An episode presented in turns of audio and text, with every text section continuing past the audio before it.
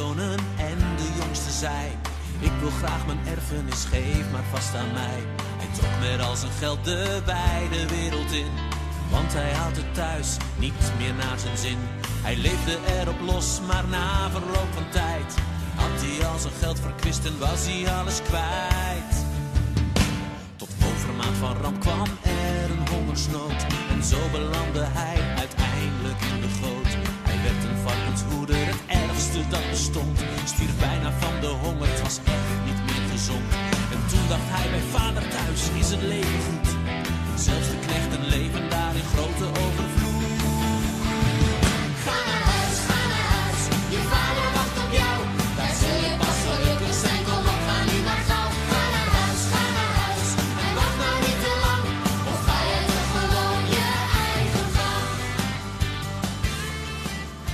Naam is Frederik de Groot en we hebben het vandaag hebben het in de studio in de kerk, de dorpskerk van Zwaag, hebben het over de gelijkenis De Verloren Zoon.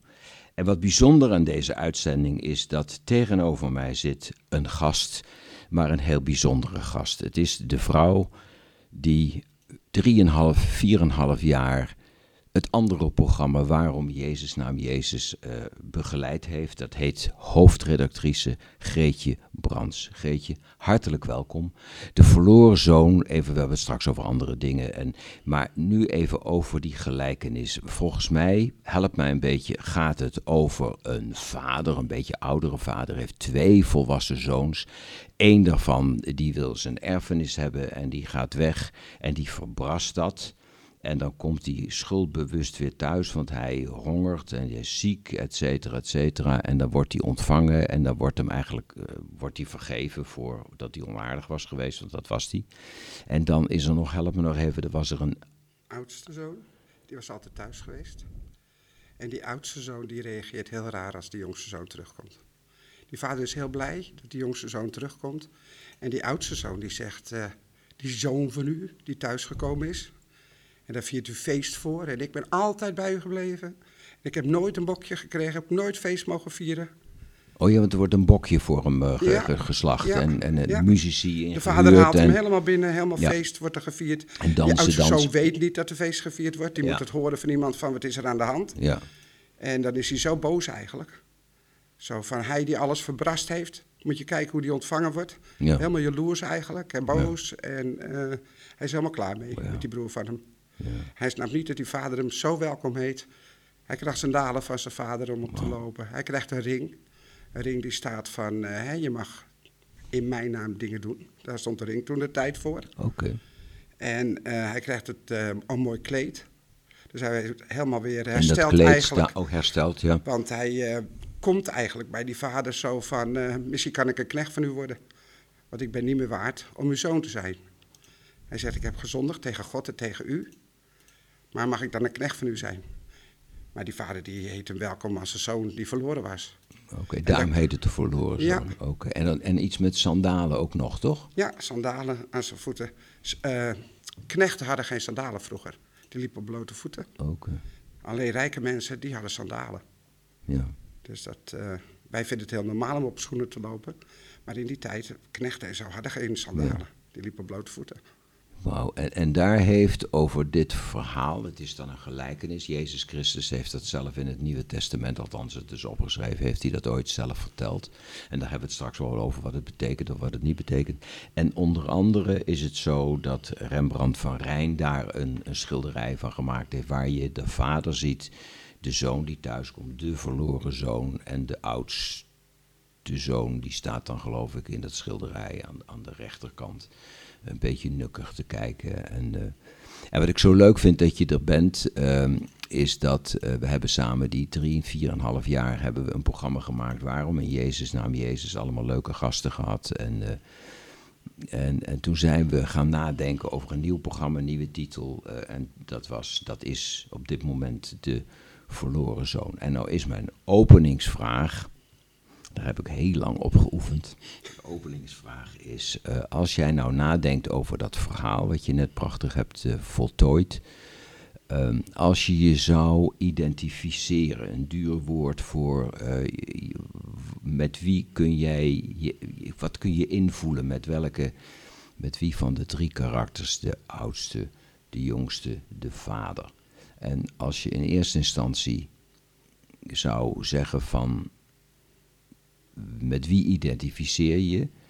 En, en nou ja, dat is eigenlijk de eerste vraag. Nou, als je denkt aan de oudste zoon, die eigenlijk eh, de boel bekijkt van een afstandje. Zo van, eh, moet je die vader zien met die eh, broer van me. Hij minacht het eigenlijk een beetje. Als je op dat schilderij ook ziet hoe hij kijkt. Zo van, hier distancieer ik me van, hier hoor ik eigenlijk, wil ik eigenlijk helemaal niet bij horen. En ehm, hij is, heeft natuurlijk eh, de erfenis erdoor gehaald, die jongste zoon. Dus eh, dat was al heel apart, dat die vader bij leven de erfenis al weggeeft, eigenlijk. En niet alleen wat geld betreft, maar waarschijnlijk ook de landerijen en dat soort dingen. En eh, die broer die denkt ook van, ik ben al die tijd hier gebleven, altijd hard gewerkt voor mijn vader. En ik denk dat wij dat ook heel vaak doen. Hard werken voor God. Ah, wacht even. Jij maakt een stap, dankjewel, want dat kan ik niet in mijn eentje. Jij maakt dus in feite een stap van, het is een verhaal over een vader, twee zoons, maar je zou kunnen zeggen gelijkenis en parabel, wat dan ook. Jij zegt dus in feite nu al meteen, ja, hallo, eh, die vader staat niet voor de vader, een, een, een landman of een, nee, dat is God de vader. En Oké, en, ja, en, en de oudste zoon, de jongste zoon, dat zijn wij. En dat is de relatie, het verhaal gaat. Dus, dus Jezus vertelde dat verhaal, dat heb ik natuurlijk, weet ik dat wel, Lucas eh, 15, voor de mensen die het willen opzoeken. Jezus vertelt of praat op een gegeven moment met, met wetsgeleerden, dat heette de fariseërs in die tijd, maar ook tegen mensen die niet zoveel te, te melden hadden in de maatschappij. En, ehm, en die als doel om iets anders te vertellen. Het gaat over een vader, maar eigenlijk zegt hij van hallo, let op, de vader is een hoofdlettervader. En Dat dan wordt het wel, ja. anders. Dan wordt het, ja, dat is met, ja, je maakt meteen die stap. Oké, ja. Toen je, eh, we hebben het natuurlijk samen over gehad, want jij bent de hoofdredactrice van het programma. Van toen, we, toen ik zei, zullen we een ander thema doen, in dit geval de verloren zoon. En toen ben je ook daar, heb je me verteld, een boek over gaan lezen. Ja, er is een boek geschreven door Henry Nouwen en dat heet Eindelijk Thuis. En op de voorkant van het boek staat dus ook het schilderij wat Rembrandt gemaakt heeft. Ja. Als kaft eigenlijk. Hmm. En dan zie je dus die vader die er zit en die jongste zoon die aan zijn voeten knielt. Ja. En die oudste zoon die erachter staat met nog wat... Er staan nog een paar andere figuren ook bij.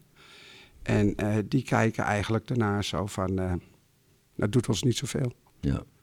Ja, wat ik denk heel bijzonder is, even toch ook leuk om te vertellen voor dit programma, is dat, eh, en als het niet klopt moet je me tegenspreken, niet te vaak, maar is dat, ehm, dat Eindelijk Thuis van Henri Nouwen is een wereldhit geworden. Echt, dat miljoenen van verkocht is ook heel goed geschreven, heel kwetsbaar, heel eigen. En wat heel veel mensen niet weten, is dat Henri Nouwen, God hebben ze ziel, want hij is er niet meer. Hij is geloof ik 64 jaar geworden. Hij was priester, hij was wetenschapper en hij was Nederlander. Ja, nee, maar dat, Ja, is ook zo. ja, hij is, hij is zelfs, hij, hij woonde en werkte heel veel in Zuid-Amerika, Amerika, maar vooral Canada, Toronto, et cetera. Maar daar komen we misschien nog op. En eh, ja, het was wel bijzonder. Hij ging terug naar zijn familie, ik geloof bij Schiphol, ergens kreeg hij een hartaanvallen, was er niet meer. Nee, is echt een Nederlander. Dat kan je ook aan zijn accent horen. Hij kan prachtig spreken, kon die prachtig spreken, kan prachtig spreken, maar dan hoor je heel, ik kan dat niet nadoen, maar heel, met dat wonderlijke accent. Een hele geëmotioneerde man, een kwetsbare man en mooi, priester, et cetera, et cetera. En, en dan gaan we straks naar je muziekkeus toe, dan, dan gaan we dat als cliffhanger gaan we dat neerzetten. Met wie identificeer jij je heel specifiek in dat verhaal? En dan ga ik straks ook vragen waarom. En de mensen die nu naar je luisteren en je eventueel zien of wat dan ook, die kunnen denken, nou, dat wordt de oudste, de jongste of de moeder of de vader of wat dan ook. Wat is jouw eerste keus? Mijn eerste keuze is de jongste zoon. Eerste keuze is de jongste zoon. Dat was mijn vraag helemaal niet. Maar goed, mijn vraag was, nee hoor, wat is de keus van je muziek? Oh, ik, mag het, ik, mag ik heb dat van hier. Oh, dat is leuk. Ik heb een papiertje gekregen en dat is geschreven door Greetje Brands. Kom tot de vader. Opwekking 599.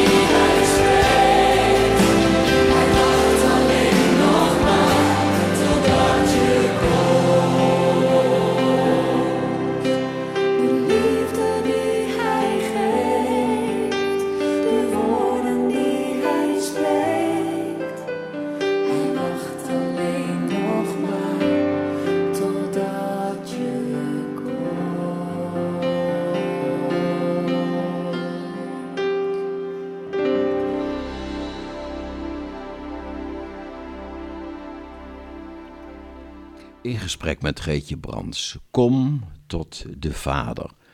Eh, we hadden het er net over, nou, de verloren zoon. De verloren zoon zou dan iets zeggen. Ja, daar kan ik hem, ja, kan ik invoelen wat die jongen of dat meisje voelt. En die komt, denk ik, dat Jezus dat bedoelt, die komt uiteindelijk aan het eind van het verhaal thuis. Die komt eindelijk thuis, die komt bij de vader. En, en wat heb jij dan als meisje, als dochter, de verloren dochter? Wat heb jij daarmee met dat, dat beeld in, in het schilderij ook, weet je, die jongen die knielt en die is zo blij dat hij bij papa thuis is en die armen van die vader gaan over hem heen enzovoort, ja. Ik denk dat ik eh, thuis niet echt een beeld gehad heb van wat de vader nou precies inhoudt. En op een gegeven moment eh, zeg je van heer, hier ben ik, ik ga met u op stap. En dan ben je een hele poos met de heer op stap. En je komt van alles tegen. En dan lees je het verhaal van de verloren zoon. Honderd keer heb je het al gehoord. En dan ga je dat boek lezen van Henry Nouwen. En dan lees je dat Henry kijkt naar dat schilderij. En die begint eigenlijk over zijn eigen leven te vertellen. Van ik geef les, hè, ken de Bijbel, ik ken God. En dan komt hij dat schilderij tegen, zit hij uren voor het schilderij te kijken. Zo In Rusland. In Rusland, in Leningrad. Petersburg. Ja, Ja. Sint-Petersburg. Ja. Ja. beter nog. Ja. Ja. Ja. En eh, uren kijkt hij ernaar, want het maakt zo'n indruk op hem. Zo van, hij kijkt ernaar en denkt, ik hoor er niet bij. Hij, hij denkt, ik hoor er niet bij, bij die mensen die daar staan. En dat raakt hij. En dat raakt hem heel erg, van, hoe kan dat dan? En ik las dat, dat hij zegt van, ik hoor er niet bij. Ik- heb in mijn leven altijd gedacht, wacht, even, even voor mij. Nee, nee, maar dan zijn we de, de, de luisteraar misschien kwijt. Want als ik het kwijt ben, hm, dan zou dat kunnen. Nee, maar dus even, ik hoor er niet bij. Dat is niet de verloren zoon. Dat is niet de verloren dochter. nee, dat, dat gaat over Henry zelf. Ja, dat hij maar, denkt, ik hoor er niet bij. ja, maar dat heeft dus, dan heeft hij het over de oudste zoon. Ik hoor er niet bij. Nee. Nee, hij kijkt juist naar die vader. En denkt, daar hoor ik niet bij. Ook bij de vader hoor hij hoort niet bij de vader. Nee, goed, ja, ja. Hij denkt, dat ervaar ik eigenlijk niet zo. Dat ik, ik, ik kan niet thuiskomen. Nee, hij, hij, hij, hij vo- voelt zich buitenstaander. Nee, maar dat herkennen misschien heel veel mensen. Maar nou, nou weet ik Ja. wel. Hij, komt, hij kan maar niet thuis nee, komen. hij kijkt maar naar dat schilderij urenlang en urenlang. Ja. En eh, dan zegt hij, hoe kan dat dan? Dat ik niet bij die vader hoor. En, Dat interrupeert hem maar- eigenlijk. En, en- en- ja, en dat irriteert hem, dat is even ter verduidelijking. Omdat hij priester was. Hè. Dan kan je Ja. zeggen, een leek die zegt, nou ja, ik hoor niet bij die vader. En dat zal allemaal wel. Maar dan ben je dus ordained, hoe noem je dat? Je bent priester. Ja, En je hebt zoveel gebeden, zoveel gedaan, je leven opgegeven, toch? Je nabijt, Ja. et cetera, et cetera. En dan denk je, zit je naar het schilderij te kijken... en een paar uur achter elkaar had hij toestemming gekregen... en we de directeur van Pe- Sint-Petersburg, van de, Ja. de Hermitage. En dan denkt hij van... eh, geef godsdienstlessen, vertelt wie God is. En, en toch kijkt hij ernaar zo van, hoe kan dit? Ik hoor er niet bij. Dit, dit, dit is dit. En eh, daarom kijkt hij weer en kijkt hij weer en kijkt hij weer. Hij zit daar uren. En hij zegt dan, waarom hoor ik er niet bij? Waarom voel ik me een buitenstaander? Altijd die gedachte van, ik kom erin tekort. Ik kan er niet pakken. En hij bekijkt zijn eigen leven en komt zichzelf heel erg tegen daarin. Zo van, hoe kan het dan dat je weet een kind van God te zijn en toch niet ervaart dat je omhelst wordt door die vader? Dat je niet een zoen krijgt, dat je niet geliefd bent. Dus dat is het verschil tussen het verstand, het weten en de ervaring, het voelen, de Ja. emotie, Ja, de intimiteit van wat uiteindelijk de titel wordt, eindelijk thuis. Maar op dat moment, want hij heeft het boek nog niet geschreven, dacht hij ja, eindelijk niet thuis. Dus toch zo. ja, inderdaad. Ja, Wauw. ja. En dat was voor jou een eye-opener? ja ik, ik zie hem dat beschrijven van altijd maar denken, ik hoor er niet bij, ik voel me nergens bij horen, eh, niemand hoeft me, niemand ziet me. Ik ben een kind van God, maar ziet God me wel echt? En ik, ik ging erover nadenken en dan denk ik, ik heb zo vaak geroepen in mijn leven, theoretisch weet ik het allemaal wel. Theoretisch weet ik wie God is. Theoretisch weet ik dat Jezus voor het kruis gegaan is voor mijn zonde. Theoretisch weet ik dat de Heilige Geest in me woont. De theorie die, die, die was er wel. Maar ik had niet in de praktijk het, het idee dat het allemaal klopte. Het was net of er twee verschillende werelden in me waren. Wauw. En ehm, toen hij dat zo beschrijft, toen dacht ik... Jij zet op papier zoals ik het eigenlijk altijd gevoeld heb. En dan gaat het dus nog één keer, dus dat gaat dan over niet de oudste zoon, dat gaat Nee, over, over de de jongste jongste zoon. zoon, die het gevoel heeft, intellectueel snap ik wel wie de vader is en God is en de Bijbel enzovoort. En dus ook de gelijkenis van Jezus meenemend, maar emotioneel op een ander niveau. Ja. Dat is nogal wat. Ik ga een beetje, een beetje grap met je maken. Dus dat is ondanks je geloof, ondanks je kennis van het Nieuwe Testament, ondanks je kennis van de Bijbel en ondanks, en dit is even een protest die ik hard uit hier, ondanks het feit dat je vier en een half jaar met mij samen dat programma Waarom met Jezus naam Jezus, dat je dan ineens ontdekt in de voorbereiding van ons nieuwe programma, want dit wordt een nieuw programma, Ja. De Verloren Zoon, het mag ook De Verloren Dochter heten. En ineens ontdek je, dat is nogal wat. Hoe ging dat? Hoe voelde dat? Was je, zat je thuis? Zat je ja, te lezen? ik zat eh, dat thuis te lezen en ik heb het eerst gemarkeerd met zo'n gele stift, wat hij allemaal zei. En toen dacht ik, ja, je zet precies op papier wat ik ervaar. Theoretisch is het allemaal. En, toch zijn er momenten in mijn leven geweest dat ik echt aanwezigheid van God ervaren heb. Ja, weet ik, ja. En eh, dat, dat, dat is dan waardoor je eigenlijk best een beetje in verwarring raakt. Zo van, maar hoe kan het dan? Ja. Want toch riep ik vaak van, eh, ja, maar het is allemaal theorie. Wauw. Het is geen praktijk. Ja. Ja, het ook voor de luisteraar weer even. Je hebt jarenlang heb je heb aan, de- aan de leiding gestaan van een grote christelijke boekhandel. En eh, je verkocht dus eh, tientallen boeken per uur, bij wijze van spreken. Allemaal over Jezus, over God, over de Bijbel. En daar kon je ook heel, je hebt heel veel mensen hele goede raad gegeven. Een soort pastorale dame met wel de kassa, weet ik nog wel. Ponk, zei die kassa dan. 2, 25 euro. Ik dacht, oh, dat is eh, voor niks dus. Nou, dat was dan niet zo, nee hoor, grapje. Maar, dus je hebt, en, en, en je hebt een tijd, of nog steeds, eh, woon je boven de boekwinkel. Ik heb wel eens tegen je gezegd, nou, er zitten duizenden boeken over het geestelijk, over God en over Jezus. Die zitten onder je. En dan ontdek je, dan ben je iets ouder dan 16 jaar, en dan ontdek je van, wauw, er is een, een aspect, herken ik trouwens heel goed in mijn eigen ziel, een aspect wat ik overgeslagen heb. Iets wat ik niet, Henri Nouwen, niet gezien heb. En hoe voelt het dan? Zit je dan in je eentje voor je uit te kijken en denkt, eh, oh, oh. Ja, dan denk je, hoe kan dit? Hoe kan dit nou? En je hebt ook zoiets van, ik ben niet de enige die dit ervaart. Er zijn meer mensen die dit hebben. ja, Dat, dat vond ik dan wel weer een geruststelling. Maar ook een, heer, hoe kan dit dan? Hoe? Ik heb wel eens gedacht, ben ik echt wel een kind van God? Want dan ging ik weer twijfelen.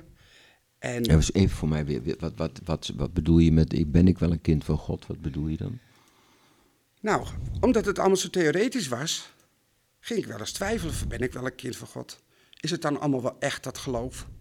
Ik kon vreselijk daaraan twijfelen. En ik heb wel honderd keer die zinnen van hem gelezen, dat, dat hij vindt, ik hoor er niet bij. Ik, de, hè, En jij had dus het gevoel, eigenlijk als ik eerlijk ben naar mezelf, dan heb ik altijd een beetje toneel gespeeld van ik hoor erbij. En dat Ja, is niet zo. Nee, zo'n gevoel krijg je op een gegeven moment. En eh, toen heb ik weer naar de voorkant van het boek gekeken. En Dat eh, je- schilderij, ja. Van het schilderij. En dan denk je, ja, die vader, die omhelst die zoon. Maar die vader wil ook mij omhelzen. Hij wil dat graag. Hij verlangt ernaar. Dat is zijn grootste verlangen. Ja. Mij omhelzen. Ja. Maar ik denk dat ik diep in mezelf daar altijd bang voor ben geweest. En, en, Om die omhelzing te ontvangen. en, en waarom? Was iets te snel hoor, sorry. Waar, waar, nee, maar waar, waar, waar, waar, waar, het is zo belangrijk voor mensen misschien die nu een beetje ongelukkig op de bank zitten en luisteren en denken, oh wacht even, er wordt me iets duidelijk, want het is een gelijkenis, dat zeg je heel mooi. Waarom, waar, waar was je bang van? Wat is dat, Henri Nouwen bang? Eh, Greetje bang? Ja, van, van wat er zou gaan gebeuren als ik die omhelzing zou ervaren. Als ik het toe zou laten. Er, ergens kwam er dan weerstand. Zo van, wat gaat er gebeuren? Dat kan ik niet overzien. Dus die, die, die, die jongste zoon in dat verhaal loopt echt weg. Maar ik liep ook eigenlijk weg. Ja. Steeds maar weer bij die vader vandaan. Van het is gevaarlijk om te dichtbij te komen. En toen op een zondagavond heb ik gezegd van... Heer, ik wil over dat randje van het schilderij stappen als het ware. Ik stap het schilderij binnen. Mooi. Dus oh, Want oh, ik- is mooi. Dus van buiten. Oh, Ja, van over ja, het randje. Dacht- over het randje van het Nee, dus schilderij. het schilderij. Ik stap het schilderij in, In, want ja. ik wil in dat schilderij bij u horen, bij u komen. U ervaren als die vader. Want ik mag bij u horen. Want dat is uw grootste verlangen, dat ik bij u hoor. En nu ga ik de stap nemen om echt te zeggen, Heer, ik hoor bij u. U houdt van mij. En je kunt je, kunt je dat moment dus echt herinneren als een moment van... Ja, het was op een zondagavond. Hoe laat, Heer- hoe laat was het? Ik denk een uur of half elf of zo, denk Ja, ik. dat is een truc, hè? Vraag. Nee, Dat, nee, maar, ik, maar- ik, heer, hier ben Ja. ik. Ik stap. Ja, Ik doe mee. echt Is bewust. dat doen, ik doe mee? Is dat het? Ja, echt bewust een stap nemen naar de Heer toe. Van Heer, hier ben ik. Ik kan zoveel dingen niet alleen. Daar heb ik u, u benodig. Gewoon als het ware naakt voor hem staan. Zo van hier ben ik. En ga uw gang maar. Dus Want zo- zonder u wordt het. Zonder dat, dat ik echt die ervaring met u heb, kan ik niet verder. Dus na zoveel jaren, zoveel kennis, Ja. zoveel wetenschap, zoveel uren van kerkbezoek, Ja? zoveel gesprekken die je zelf hebt Ja. geantameerd met waarom in Jezus naam Jezus, zoveel lezen, boeken verkopen over Jezus. Dat- Ik vind dat zo bijzonder. Vandaar dat je uitgenodigd hebt, maar dat weet je niet. Nee hoor, is dat je dan zelf ontdekt op een bepaalde leeftijd. Er is iets wat ik nog net gemist heb. En dat vind ik zo mooi, want dat heb je al aangestipt. En dat kan zelfs in wereldse relaties zijn. Dat je op een gegeven moment wel een kind hebt of een kleinkind. Dat je denkt, ik heb daar contact mee. En dat we toch net die afstand houden, die 4 mm of 15 meter. eh, Waardoor er een, een gat ontstaat. En dan nog, dat schilderij. En Rembrandt is ook geduldig. En die zegt gewoon, kom dan maar. En dat vind ik zo'n mooi beeld waar je dan op komt, of waar hij mee komt naar jou toe, van stap nou maar in dat verhaal. Stap, dat Jezus dus blijkbaar bedoelde. Die bedoelde dus blijkbaar tegen de mensen waar die sprak, de gewone burger van die tijd, maar ook de, de, de, de, intellectuelen, de, de geestelijken van die wereld, zegt hij dus eigenlijk nog als zoon van God, maar dat wisten zij niet, hadden ze enig idee van stap nou maar in dat verhaal. En nou komt het dus, geef je over, dat is natuurlijk in essentie waar dit ook denk ik over gaat toch, geef je over met huid en haar. En het kan best zijn dat ook voor mensen die luisteren, dat wij misschien die huid gegeven hebben, maar die laatste haar, en ik denk dat dat zo, dat staat dan ergens in de Bijbel of wat dan ook, dat Jezus ooit gezegd heeft van geef uw hele leven, geef uw lasten, wie u bent, persoonlijkheid, maar ook de dingen die u niet snapt, eh, geef het over aan mij en ik zorg voor u. Dat is, eh, wauw, dat op een zondagavond is Ja. dat, eh, Ja. ja, wauw. En dat is allemaal gebeurd dankzij de voorbereiding van, Ja. van dit programma. Ja, ja. Ik ga je een beetje helpen, want als gast weet je blijkbaar niet meer wat je zelf gekozen hebt. Toekomst vol, Vol van hoop. Van, wat? Van? Vol van hoop. Waarom heb je dat gekozen? Omdat ehm, we met God samen altijd een goede toekomst hebben. Oké, En omdat- hij geeft ons hoop, nieuwe hoop. Als je geen hoop meer hebt, mag je naar hem toe gaan en hij geeft je hoop. je mag dus altijd thuiskomen. Ja.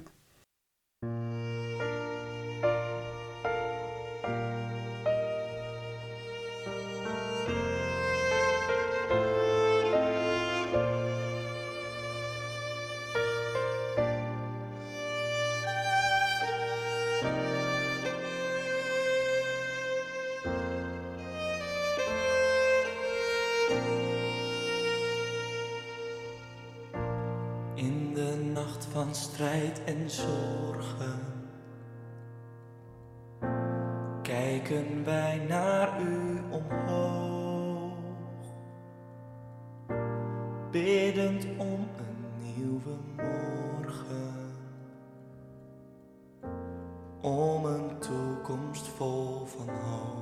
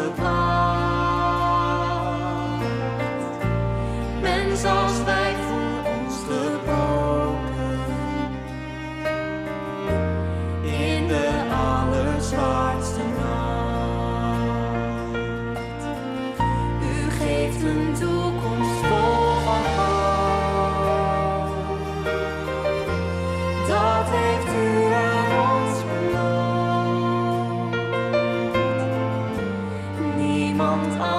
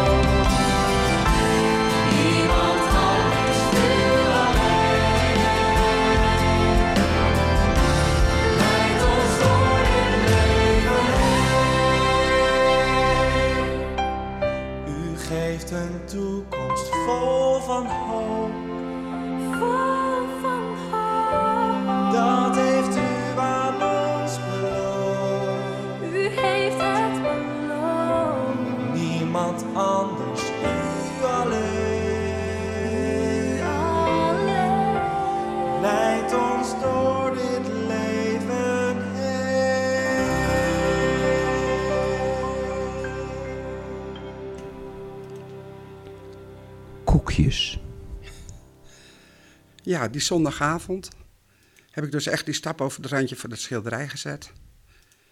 En echt gezegd van, u bent mijn vader, ik hoor bij u als kind. En ik voelde daar verder niks bij. En voer, voer niks.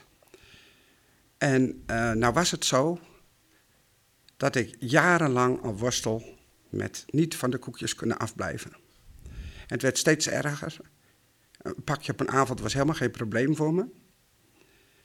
En na deze zondag, het was vrijdagavond, en ik zit op, op de stoel en ineens denk ik, wanneer heb ik voor het laatst een koekje gehad? Dus dat was de vrijdag na De die vrijdag zondag. na die zondag. Ja, En toen dacht ik, even terugdenkend, ik denk, oh dat was maandagochtend. Mijn kleindochter eh, had bij me gelogeerd en we hebben samen de laatste cakejes opgegeten. En het was vrijdagavond en ik heb helemaal niet aan koekjes gedacht. En er ook niet één gehad. En toen dacht ik, dit is bijzonder. En toen dacht ik, dit is echt een gevolg van zondag. Er is op een of andere manier iets weg uit mijn leven. Want het is ondertussen vijf weken geleden, dat laatste koekje. En ik heb geen koekjes nodig. En dat is voor mij heel bijzonder. Ik vind het gewoon een wonder. Ik noem het ook een wonder. Er is denk ik, door die stap die ik die zondagavond gezet is, een ruimte in mijn leven ingenomen door die liefde van de Vader, waardoor ik gewoon van dingen af kan blijven wat ik nooit kon. En ik heb zo vaak gebeden van Heer, waarom kan ik dat snoepen niet laten? Waarom moet ik iedere keer weer snoepen? Ik vond het zo'n frustratie. En het is gewoon weggenomen, lijkt het. Het is gewoon net of het uit je gehaald is. Net of het uit je getrokken is. Je vroeg in het gebed, hè, in wanhoop al die jaren, waarom, hè? Help, help, waarom, waarom, Ja. waarom ben ik Ja. verslaafd aan suiker of koekjes, doet er niet toe. Ja, En ik, wat was dan het antwoord? Waarom, ik denk dat ik met die koekjes een leegte probeerde in te vullen. Een leegte die in me zat. Maar waar, waarom, je en waarom kwam er geen antwoord, denk je, van God? Dat weet ik eigenlijk niet. Ik denk dat ik, er- misschien omdat ik het allemaal zelf wilde oplossen, zelf wilde invullen. Ja. En nu toegegeven heb dus- van hier ben ik, naakt heer, ik heb niks meer te verbergen. Hier ben ik helemaal. Ja, hij zei dus eigenlijk, dat kon jij niet weten, maar goed, dat is volgens mij de humor van God. Van ja, dan moet je eerst meedoen, Ja, thuiskomen. Eh, de gelijkenis van mijn zoon eh, stapt dan dat schilderij van Rembrandt binnen. Hallo, kom thuis en daarmee, en dat heb je gedaan, en daarmee is de afstand tussen de zoon en de vader is geminimaliseerd. En op dat moment is die behoefte, wat je zelf zegt, dat zwarte gat. Ja. Dat is een craving voor suiker of van liefde. Liefde, aandacht doet er niet toe. maar ik merk, ik, ik zie dingen anders. Kijk anders naar mensen, ervaar dingen anders. En van de week dacht ik ook, heer, hoe bijzonder is dit? U, die grote God, die de hele wereld geschapen heeft. Die mij gemaakt heeft. En wat ben ik in, in die wereld? Zo'n heel klein speldenpuntje als je dat bekijkt. Ja. En dat vind ik dus zo bijzonder, dat die hele grote God... dat kleine spel, speldenpuntje zo belangrijk vindt. Om hem te mogen dienen. Hem, hem groot te mogen maken. Dat vind ik zo bijzonder. Maar je We hebt, vinden het vaak zo gewoon van, van er is een God en hè, we, we kunnen bidden, we kunnen dit, we kunnen dat. Maar dat die hele grote God een persoonlijke relatie met je wil hebben. Dat vind ik zo bijzonder. En wat ik hoor uit je verhaal, ik vind het heel bijzonder. Ik wist natuurlijk wel een beetje wat er zou komen. Maar wat je dus eigenlijk zegt, en dat is wel best schokkend ook. Om thuis te komen, dat is dan die gelijkenis van Jezus, de verloren dochter, de verloren zoon. Komen wij met huid en haar. Alles zeggen we. Ik, ik heb het geprobeerd en heb jij waarschijnlijk geen feesten gevierd en eindeloos maar geld uitgegeven, dat denk ik niet. Maar je was wel op stap met andere dingen bezig. En ja, ik hou van God, ja, ik hou van God. En uiteindelijk denk je, ik zit helemaal stuk, ook eenzaamheid en scheiding en toestanden. En er is best wel wat gebeurd in je leven. En hebben nog met elkaar die hele corona achter de rug. En dan zit je thuis ter voorbereiding van het radioprogramma, wat je al die jaren echt geweldig begeleid hebt. En dan zit je eigenlijk, had ik tegen je gezegd, je moet even wel huiswerk maken, dus je leest dat boek maar. Ja, en ik heb gezegd, ik koop dat, dit- dat boek ga je nu lezen. Nee, vrouw, grapje. En dan zit je daar om kwart over tien en ineens valt, ponk, ik sta. Zo'n mooie zin is dat, ik sta buiten het verhaal. We doen mee alsof. Het boek stond al jaren in de kast ongelezen. Ja. En doordat we dat programma gingen doen, Ja. dacht ik, ik zal het boek maar gaan lezen.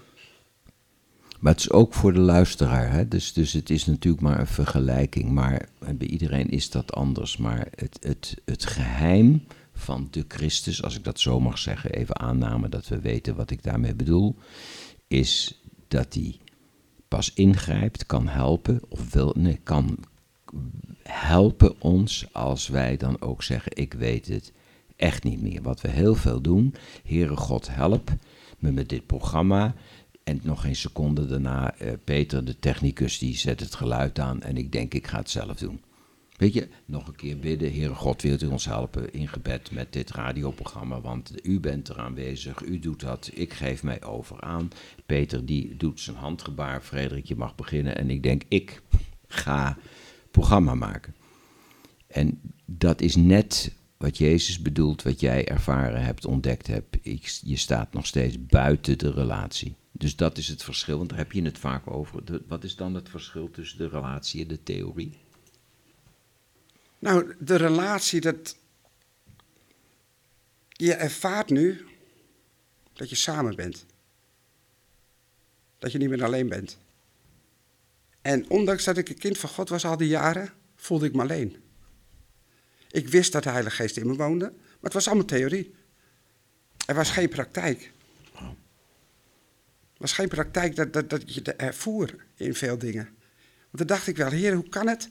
U woont in me met uw Heilige Geest. En toch voel ik me alleen. Dat, dat, ergens klopt dat toch niet? Ja. Nee. Er, ergens miste er gewoon iets. En dat riep ik ook altijd, ergens klopt het niet. En nu weet ik gewoon, het klopt. Zijn liefde woont in me en ik ervaar het gewoon. Ook doordat je de dingen anders ziet, mensen anders bekijkt. En doordat je even, even kijken of het ook juist voor de luisteraar, hè, natuurlijk, daar maken we het mooie programma voor bij Horen Radio. Dus het is echt lastig dit, hè? Het is omdat je je niet meer eenzaam voelt, omdat je je overgegeven hebt. Kijk naar dat schilderij van Rembrandt. Heere God, Vader, Papa, Abba, hier ben ik. Op dat moment is het gat gesloten, dus de treinen die zijn met magneten weer aan elkaar. De eenzaamheid verdwijnt onmiddellijk. Dus even mijn theorie. hè. En als consequentie daarvan, niet andersom, heb jij, ik, iedereen weer anders, maar heb jij geen trek meer aan het koekje wat moet dienen om het gat te dichten. Terwijl je misschien Ja. straks rustig op zondagavond een koekje kunt nemen, omdat je gewoon denkt, ik, eh, ik, heb neem trek een koekje, ja. En nou is het klaar. Het gat is gedicht en het is, dus, het is het thuiskomen eindelijk thuis bij God, bij de Vader. Je zou bijna kunnen, dat is heel blasfemisch, dan wordt iedereen boos op mij in de christelijke wereld. Maar je zou bijna ook kunnen zeggen, je komt thuis bij jezelf. Want dat is namelijk wie je bedoeld bent te zijn met Hem. Ja. Dat gat is gesloten en het gevolg is niet de oorzaak. Want God interesseert het volgens mij geen bal of je wel of niet koekjes eet. Het gaat erom dat je Hem vindt, dat je Hem, de bron die je zelf bent, als het ware, de, bron thuis bij Hem komt. En daarmee lost alles zich op. En dan denk je ineens, goh, ik kijk anders naar de mensheid. Once I was blind, now I see. Dat is amazing grace. Is dat de essentie van wat je beleefd hebt? Klopt. Ja, waarom? Ja, ik denk dat, dat je toch een heleboel dingen niet ziet als je net dat stukje mist. Ja. Dat je toch de dingen alleen bekijkt en niet samen met God. Ja. En nu kijk ik samen, mag ik door zijn ogen meer de dingen zien. En dat merk ik gewoon. Wauw. Ik, ik merk het naar mensen toe. Mensen die bijvoorbeeld dachten van, "Pff, wat moet ik met je? En dat ik nu denk, ja, zij kan ook niet helpen dat ze zo is. Ja. Dus ze heeft ook iemand nodig die eens een praatje met haar maakt. En Je zou bijna kunnen zeggen, dat is, dat is het wonder van het geloof en niet uit te leggen valt. Je bent eigenlijk niet meer met jezelf bezig, je kijkt naar mensen en dan kan je ook denken, wauw, ik snap dat gat wel, want ik ken dat, ik had dat gat veel groter. En dat gat wordt vaak opgevuld door koekjes of door porno of door macht of door aandacht vragen of door gewoon neurotisch te zijn is ook leuk. Maar dat is voorbij en dat is Amazing Grace en daar gaan we nu naar luisteren. Amazing grace, how sweet the sound that saved a wretch like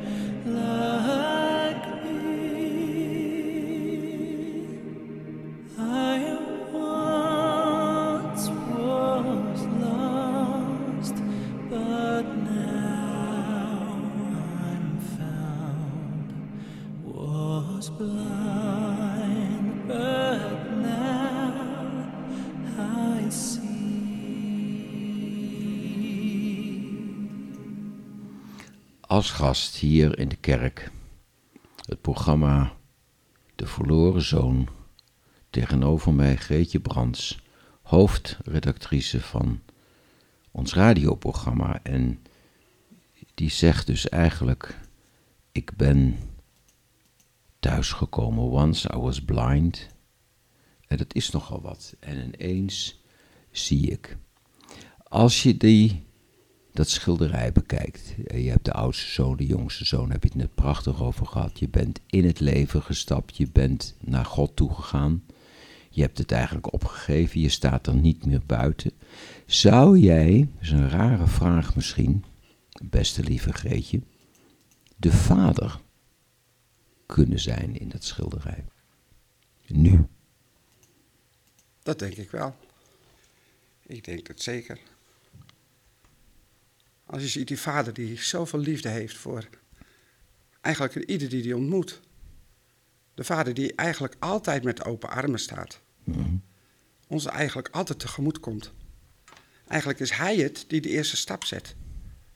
Als je in die, in die gelijkenis hoort. Hij Ja. liep de jongen tegemoet. Ja, dat staat in het verhaal. en ja, had ja. zijn armen wijd. Ja, hij En ik- rent naar zijn kind toe, hè, dat thuis komt. En dan denk ik dat dat het verlangen is van God.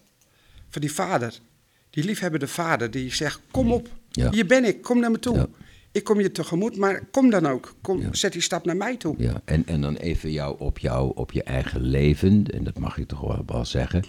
Je hebt, eh, wat heb je wel, een stuk of twaalf klein, klein, klein, kleinkinderen? Nee, Nou, Zo erg is het ook niet. Ik heb vijf kleinkinderen en twee maar achterkleinkinderen. het is een groot gezin, die allemaal een moeder, een vader met een hoofdletter. En dat, Dat ervaar je ook, dat je dan daar dus... Hè, voor God is eh, man en vrouw één, dus dat maakt niet uit of het vader of moeder heet. Maar dat je ook in het gezin ook dat uit mag dragen. Dat je de liefde uit mag dragen, die die vader dus geeft. Want het is niet mijn eigen liefde. Hij vult mij met zijn liefde en die liefde mag ik doorgeven. Aan de kinderen, kleinkinderen, achterkleinkinderen. En, en voor, dan gaan we een aantal weken terug hè, tot die eh, beruchte, beroemde, eh, geheiligde eh, zondagavond, kwart over tien.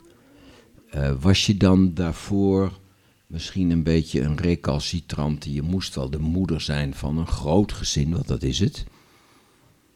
En dat was bijna een rol moeten spelen. En dat je nu het gevoel hebt, ja, ik ben gewoon de vader, ik let een beetje op en de moeder. Ja, ik heb eigenlijk gedacht van, hier in Nederland kijk je eigenlijk alleen naar een gezin. Een vader, moeder en kinderen. That's it. Als je kijkt naar heel veel andere culturen, heb je veel meer het familie zijn. Hoort veel meer de, de opa, de oma, de vader, moeder, Ja. kinderen, kleinkinderen. Leven veel meer met elkaar. En dan denk ik, eigenlijk is het dus raar dat we alleen maar kijken naar dat kleine gezinnetje. Het hoort veel meer bij elkaar in, in grotere omtrek. Ja. Eigenlijk is het veel meer het familie zijn. En zo ervaar ik het op het moment ook. Van, van je bent eigenlijk een speel met alles, er, hè, met alles eromheen. En dan denk ik, wat is niet alleen het gezin? Het is eigenlijk groter. Oké. Hey, en even vanwege de tijd ook, hè, dat, dat verhaal, de verloren dochter, de verloren zoon. Ben jij ook, je zou kunnen zeggen, dat verhaal hè, van Jezus, die gelijkenis, die parabel, je zou ook zeggen, het is een soort sprookje. In de zin van, we zijn iedereen, ik ben een beetje de heks en een beetje de beer en een beetje de mus. Ben jij ook, Greetje, de oudste in je leven, de oudste, afstandelijke, beetje jaloerse, een beetje dochter. Ik denk het wel, ik ben de oudste in het gezin. En als je dan ook ziet, dan krijg je later een zusje. En voor jouw gevoel mag die ook veel meer dan dat jij mocht. Ja. Als je het vergeleek van, ja, dat mocht ik twee jaar geleden niet. Waarom mocht ik dat niet en zij wel? Toch een, een soort jaloezie. En eh, ik denk dat dat ook in het verhaal van de verloren zoon, die oudste, die helemaal geen respect voor die vader toont, die eigenlijk die broer helemaal niet wil zien. Hè, die, die, die zegt van die zoon van u. Zo van eigenlijk stelt hij zich een beetje erbuiten. Hè, van die vader en zo van die zoon van u. Hij heeft het niet over zijn broer. Het is zijn broer die daar bij die vader Ik ga binnenkomt. een hele rare vraag stellen. ik vind dat prachtig. Het is, die, je, je staat, ik, ik, ik katapult je even terug in een stuk verleden en je staat boeken te verkopen over Jezus. Ja. Kijk of dat werkt, hè? En dan komt er iemand binnen en die gaat roepen: Ja, ik ben tot God gekomen, ik ben tot geloof gekomen. Weet je, echt. Het, en je gelooft dat je denkt: Wauw, wat gebeurt er hier? Wat een leuk mens, of eh, een idiote man, of wat dan ook. En dan kan ik me voorstellen dat je toen dat gevoel een beetje had van die oudste dochter. En een beetje jaloersig, een beetje kribbig, dat je denkt, ik doe nu al, ik noem wat, eh, 50 jaar plus, doe ik mijn best om bij hem te horen. En dan komt er iemand binnen, hè, de verloren zoon, die heeft gewoon alles gedaan wat niet mag. Heel Amsterdam eh, omgedraaid en op zijn kop gezet. En zegt dan ineens, I love you, God. En en, eh, can I buy some books eh, f- from about Jesus, et cetera. En dat je toch bij jezelf denkt van... Maar in de diepe stem, hè, een heel diep... een grapje, maar een diep stemmetje van... Het zal toch niet waar zijn. Ja, ik heb best dan wel eens gedacht van hoe kan dat dan? Zo ineens, zo Die radicaal. bedoel ik. En waarom is het dan met mij niet zo? Waarom Ja. mis ik toch een stukje? En En, dat, en dat, stukje, ja, dat stukje is nu weg. ja, en dat is volgens mij het wonder, denk ik, van het evangelie. We zeggen met z'n allen heel makkelijk, oh, er was een, eh, de, de zoon van God, die werd gekruisigd en die ging dood. En werd die, stond hij op en de pinksteren en toen werden we allemaal heilig. Maar hij doet iets heel raars. Hij zegt dus alleen maar, en in mijn idee gaat daar het hele leven van de echte Christus die nu naast en in ons leeft, zegt alleen maar: Ik kan en wil je alleen maar helpen als je mij je hele leven, je hele bestaan, tot de laatste cent, tot allerlei kleine gedachten, de waarheid zal u vrijmaken als u dat eventjes, meneer de Grote, mevrouw Brands, even op tafel gooit. Alles out of the pocket. En, ze, en dan kan ik ingrijpen, dan ga ik helpen, dan ga ik sturen. Dat is bijna hetzelfde als je zegt van, ik weet niet hoe ik met de auto in Parijs moet komen. En dan zou jij tegen mij kunnen zeggen, als je naast me zit in de auto, Frederik, zet een keer die routeplanner aan. Want die is heel duur. En die brengt je daar feilloos, daar moet je stoppen, daar is een file, linksaf, rechtsaf, beter via Brussel, dan eh, et cetera, et cetera. Dat heb je allemaal beleefd. Wat zou je opgelucht zijn met je leven? En mag ik, ook- word je nu een betere hoofdredactrice? Nee hoor, dat is hele Ja, vreemde- tuurlijk. Oh, beter, Tuurlijk. beter. Nou, Tuurlijk. ik ben heel, ook namens, de, namens Peter en namens jezelf, ben ik heel dankbaar dat je dit verhaal met ons hebt willen delen. Want ik kan daar grappen over maken, maar in het geestelijke verhaal stappen van de verloren dochter is een wonder, een mirakel. En dat ben jij ook. En ik ben heel dankbaar dat je hier naast me gezeten hebt. Dankjewel, Greetje. Ik zal hem vader,